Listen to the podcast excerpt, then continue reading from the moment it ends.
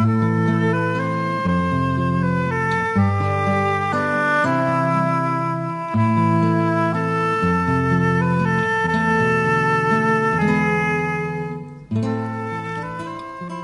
weer eens by Kortom. Vanaand gaan ons luister na 'n verhaal wat 'n mens dalk 'n nagmerrietjie of twee kan gee. Nee, dis nie waar nie. Luister maar gerus. Die verhaal kom uit Nuwe Stories van Human en Rousseau en dit is saamgestel deur Janet Ferreira en Suzette Kotse Meiburg. Die skrywer na wie se werk ons gaan luister vanaand is Trish Gosen en Ilanza Swart gaan vir ons die ryloop moordenaar lees. Lekker luister.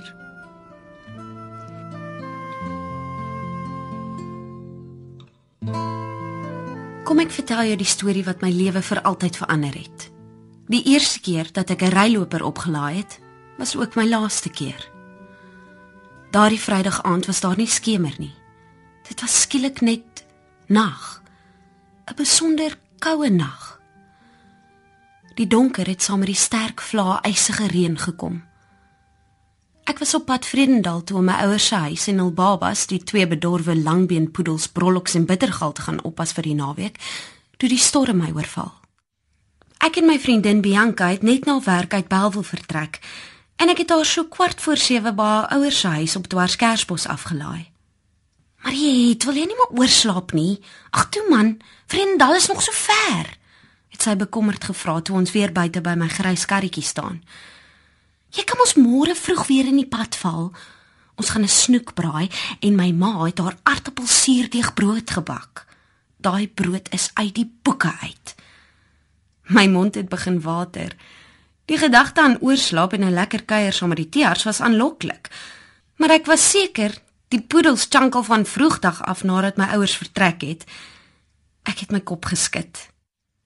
Ek sal maar moet deurdruk vanaand, Pinks. Miskien 'n ander keer. Nee, sy wil, maar o, hel, jy gaan spyt wees. Daar's plaasbotter en korrelkonfyt en ek het 'n botteltjie merlou met jou naam op in my kamer. Sal jy nou ophou? het 'n kamma geraas en haar gegroet. Net ander kan die dorp het ek in 'n wolkbreek ingery. Ek was dadelik spyt dat ek nie mag gebly het nie. Spyt en bang. Die vorige aand se bangmak stories om die braaivleisvuur by Chris en Jackie se dak nat maak was lekker opwindend, maar hier in my golfie, alleen op die pad in die moeder van alle Kaapse storms, het die lyn tussen stories en die werklikheid dof begin raak. Natuurlik het Chris die storie oor die ryloopmoordenaar opgemaak, want hy het geweet ek moet vanaand huis toe ry. Die bogger. Of dalk is dit een van daai urban legends waaraan hy nog gesterd gelas het om dit erger en gruisamer te maak. Ek kan niks voor my sien nie en dit voel of die ruitveers nie vinnig genoeg die reën van my windskerm kan wegvee nie. Kruip teen 'n slakkepas terwyl die wind my vierkantige karretjie heen en weer oor die pad rondruk. My golfie was nog nooit die mees aerodinamiese motor nie. My skouers en nek is yskoud en gespanne en my kneukels spierwit op die stuurwiel soos ek die kar op die pad probeer hou. Selfs Lucky, die poppie wat ek in Ierland gekoop het en wat sedertdien aan my triespeeltjie rondswaai en my oral vergesel, het my begin pla. Voel of sy swart knoop oogies wat onder sy groen laphoetjie uitloer my dophou. Beelde uit rolprente wat my as kind bang gemaak het, kom by my op. Die kleuter wat dood was en weer opgewek is om sy ouers te kom vermoor. Daai bose pop met die verminkte gesig en 'n mes in die hand en die eerste kabouter met 'n onnatuurlike hepsig vir goud en 'n lus vir mensbloed. Nee wat? Dit is genoeg. Ek haal die poppie van my speeltjie af en druk hom met sy potjie goud en al onder die sitplek langs my in. My oë is net vir 'n oomblik nie op die pad nie. Toe ek opkyk, is daar 'n figuur reg voor my kar. Ek trap hard rem en voel hoe die veiligheidsgordel my terugruk in my sitplek. Dis of my hart uit my bors wil spring. Ek kyk weer en verwag om niemand te sien nie, want ek is seker ek het die persoon raak gery. Maar hy's nog steeds daar, voor my in die pad waar hy gestaan het, minder as 'n meter voor my kar se neus. Die man staan met sy rug na my toe. Hy het 'n lang swart reënjas aan met 'n kap wat sy kop bedek. Net die druppels wat van sy jas afspat maak sy donker silhouet sigbaar in die storm. Vir 'n breekdeel van 'n sekonde oorweeg ek dit om verby hom te jaag. Maar kan hom nie net al los nie. Al wil ek. My gewete sal my ry. Ek druk hard op my toeter om sy aandag te kry, maar hou die engine aan die loop. Hy draai om.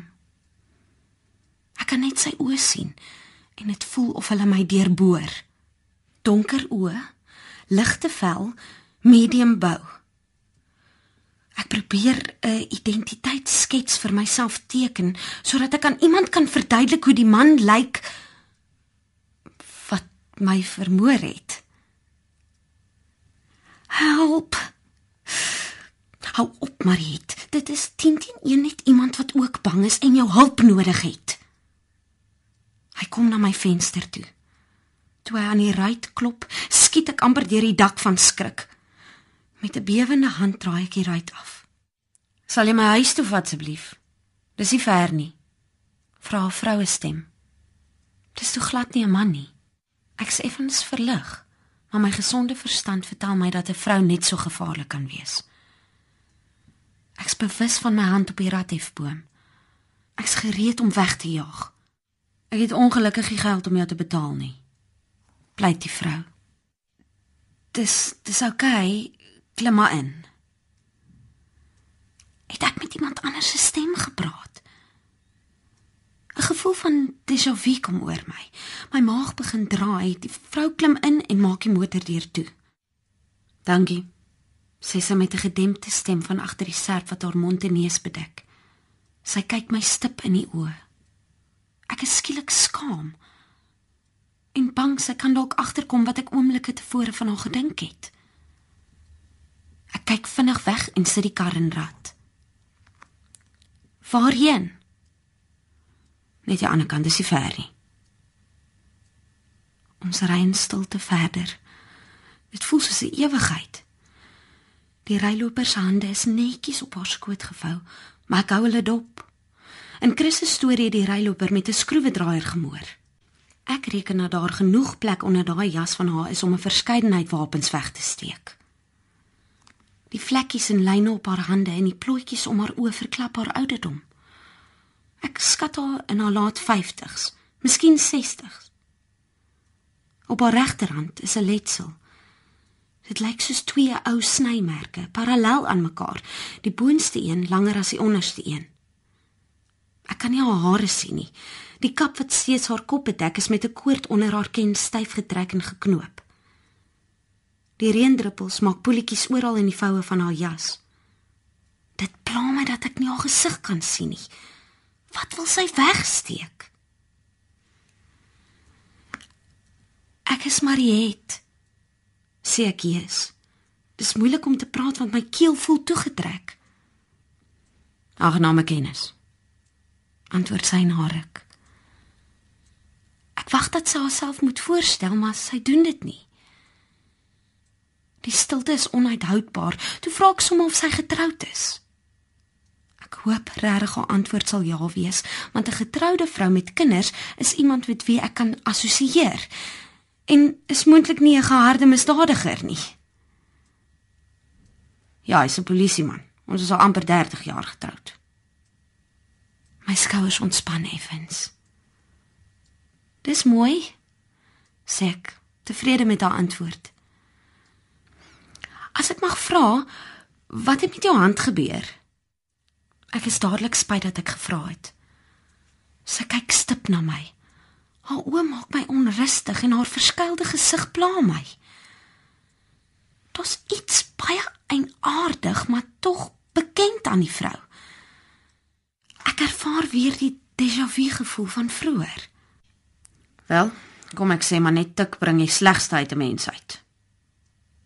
Sy kyk steeds na my en dit voel of haar blik deur my brand. Ek wil eerder nie oor die tik vra nie. Ek het gehoop sy's 'n ouma wat in die week na haar kleinkind kyk terwyl haar dogter by die plaaslike tandarts as stoelassistent werk. Maar die veilige prentjie is vinnig besig om te verbrokkel. Ek wil die vrou aflaai en so gou as moontlik van haar wegkom. En jy? vra sy skielik. Waar's jou man? Ehm um, ek sukkel so bietjie in daai departement, antwoord ek. Ek is seker maar nie troumateriaal nie. Ek begin lag, maar sy probeer nie om met my oor my stelling te stry nie. Sy lag ook nie saam met my nie. Hier, draai hier af. Beduie sy. Ek ry amper die grondpad aan die linkerkant van die pad mis. Waar's my selfoon? In my handsak by haar voete. Sy gaan my nou na 'n plek vat waar niemand my lijk ooit sal vind nie. Ek is bang. My karretjie bok spring oor die klipprige pad tot waar dit doodloop teen 'n bouvallige ou huis. Die dak is amper heeltemal weg en die mure verbrokkel. So onverwags soos die reën gekom het, so skielik het dit opgehou. Dis pikdonker buite. Ek kyk rond. Daar's nie 'n mens in sig of enige ander teken van lewe in die omtrek nie. Hier. My stem bewe. Ja. Sy steek haar hand onder haar jas in. Ek is gereed om my sleutel as 'n wapen te gebruik. Maar in haar hand is nie 'n skroewedraaier nie, net 'n bruin teddybeertjie. Sy sit dit op my skoot. Die speelding se een oog is weg en sy pels is vuil en nat. Ek staar na die ding. My brein probeer sin maak van die aand, van die vrou, van die speelding. Marit. Sy trek aan my skouer om my aandag te kry. Ek kyk op. Al my vrees is eensklaps weg en ek is gereed om haar 'n paar vrae te vra waarop ek dink ek antwoorde verdien.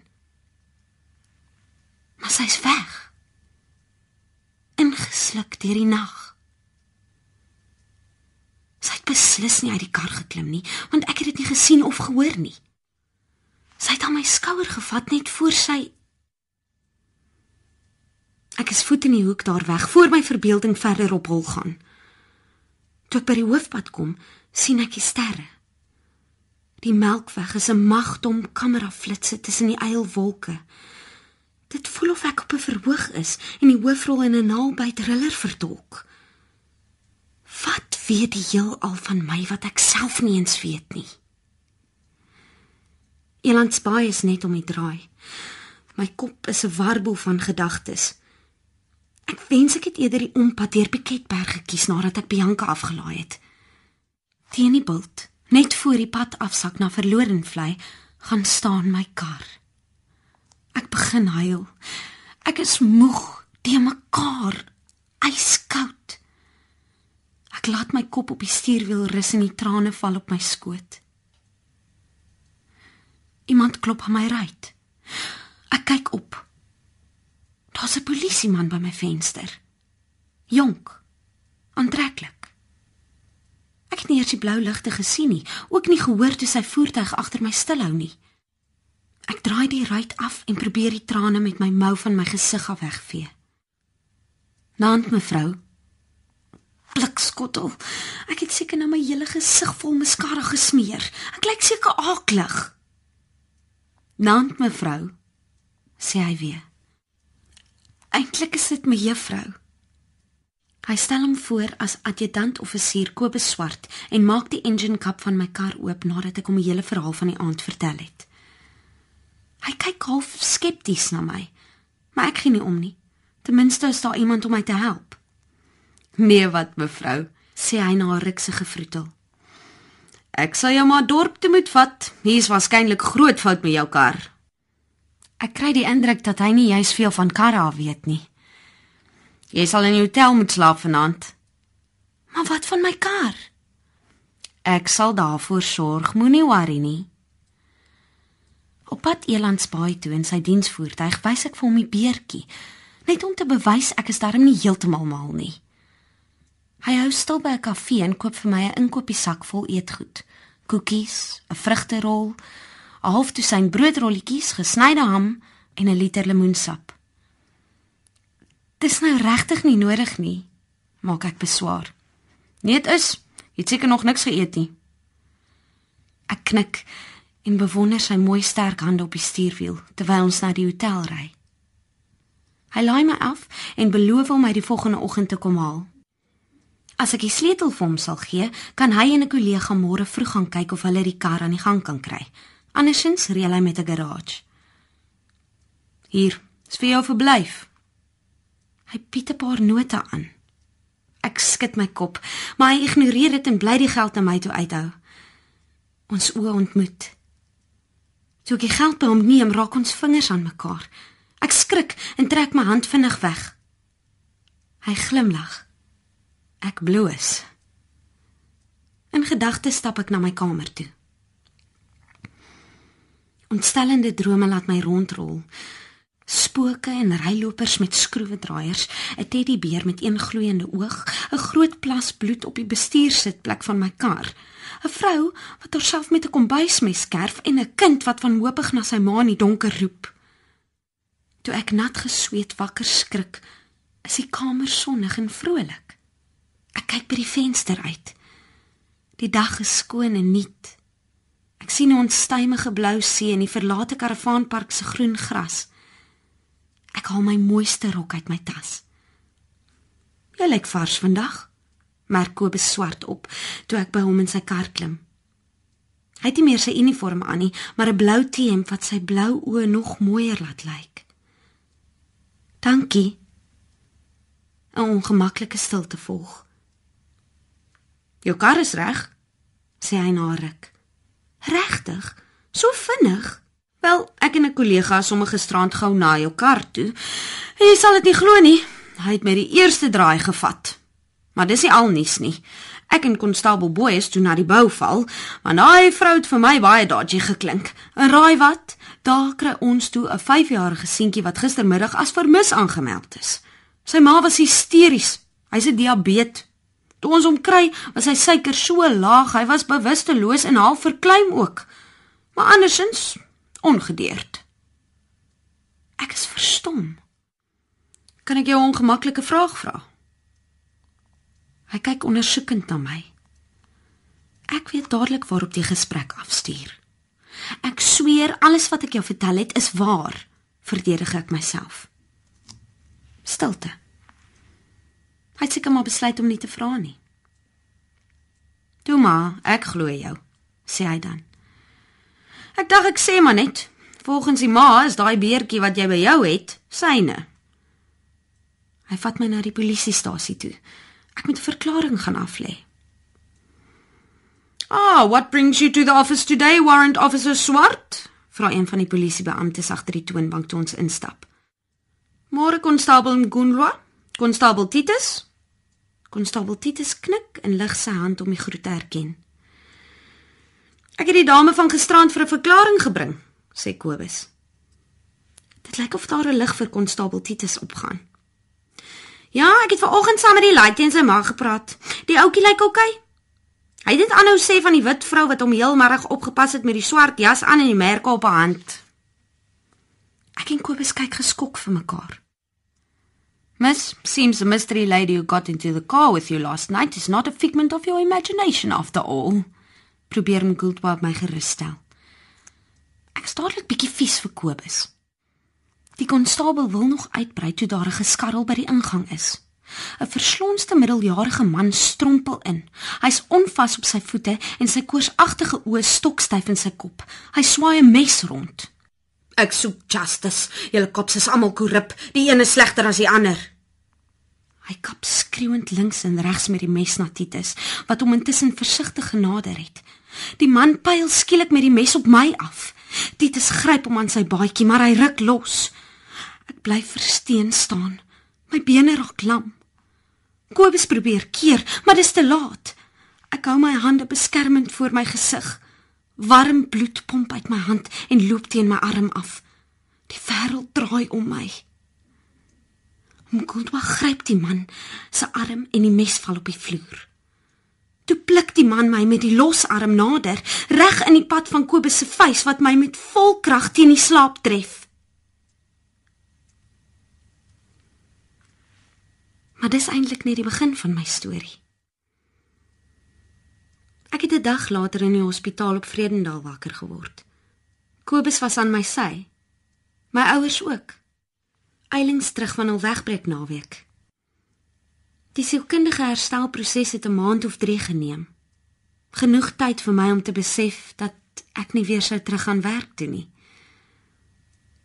Die Sandveld het beter vooruitsigte gebied. Ek en Kobus is 'n jaar later getroud en ons het 'n huisie teen die see op Lammersbaai gekoop. Ons eersteling is ook op pad. Die steekwond op my regterhand het 'n letsel gemaak. Eintlik twee, parallel aan mekaar. Die boonste een langer as die onderste een. Soms vryf ek daaroor en besef hoe gelukkig ek is. En dan dink ek weer aan daai flitsende sterre en ek op die verhoog van die nag. So, die res is geskiedenis. Of is dit dalk die toekoms? Ek weet ook regtig nie meer nie. Hulle sê mos, tyd is gerond. Alles wat gebeur, het al voorheen gebeur. Maar tog gryp daar soms 'n hoër hand in en verander alles. Ja. Die eerste keer dat ek 'n ryloper opgelaai het, was my laaste keer. Of was dit dalk die hoeveelste keer?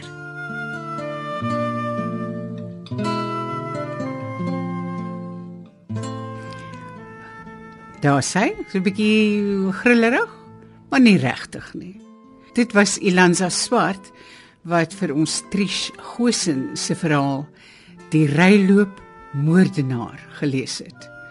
Van my, Margolite, alles van die aller aller allerbeste. Tot volgende keer.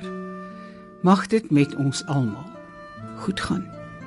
Totsiens.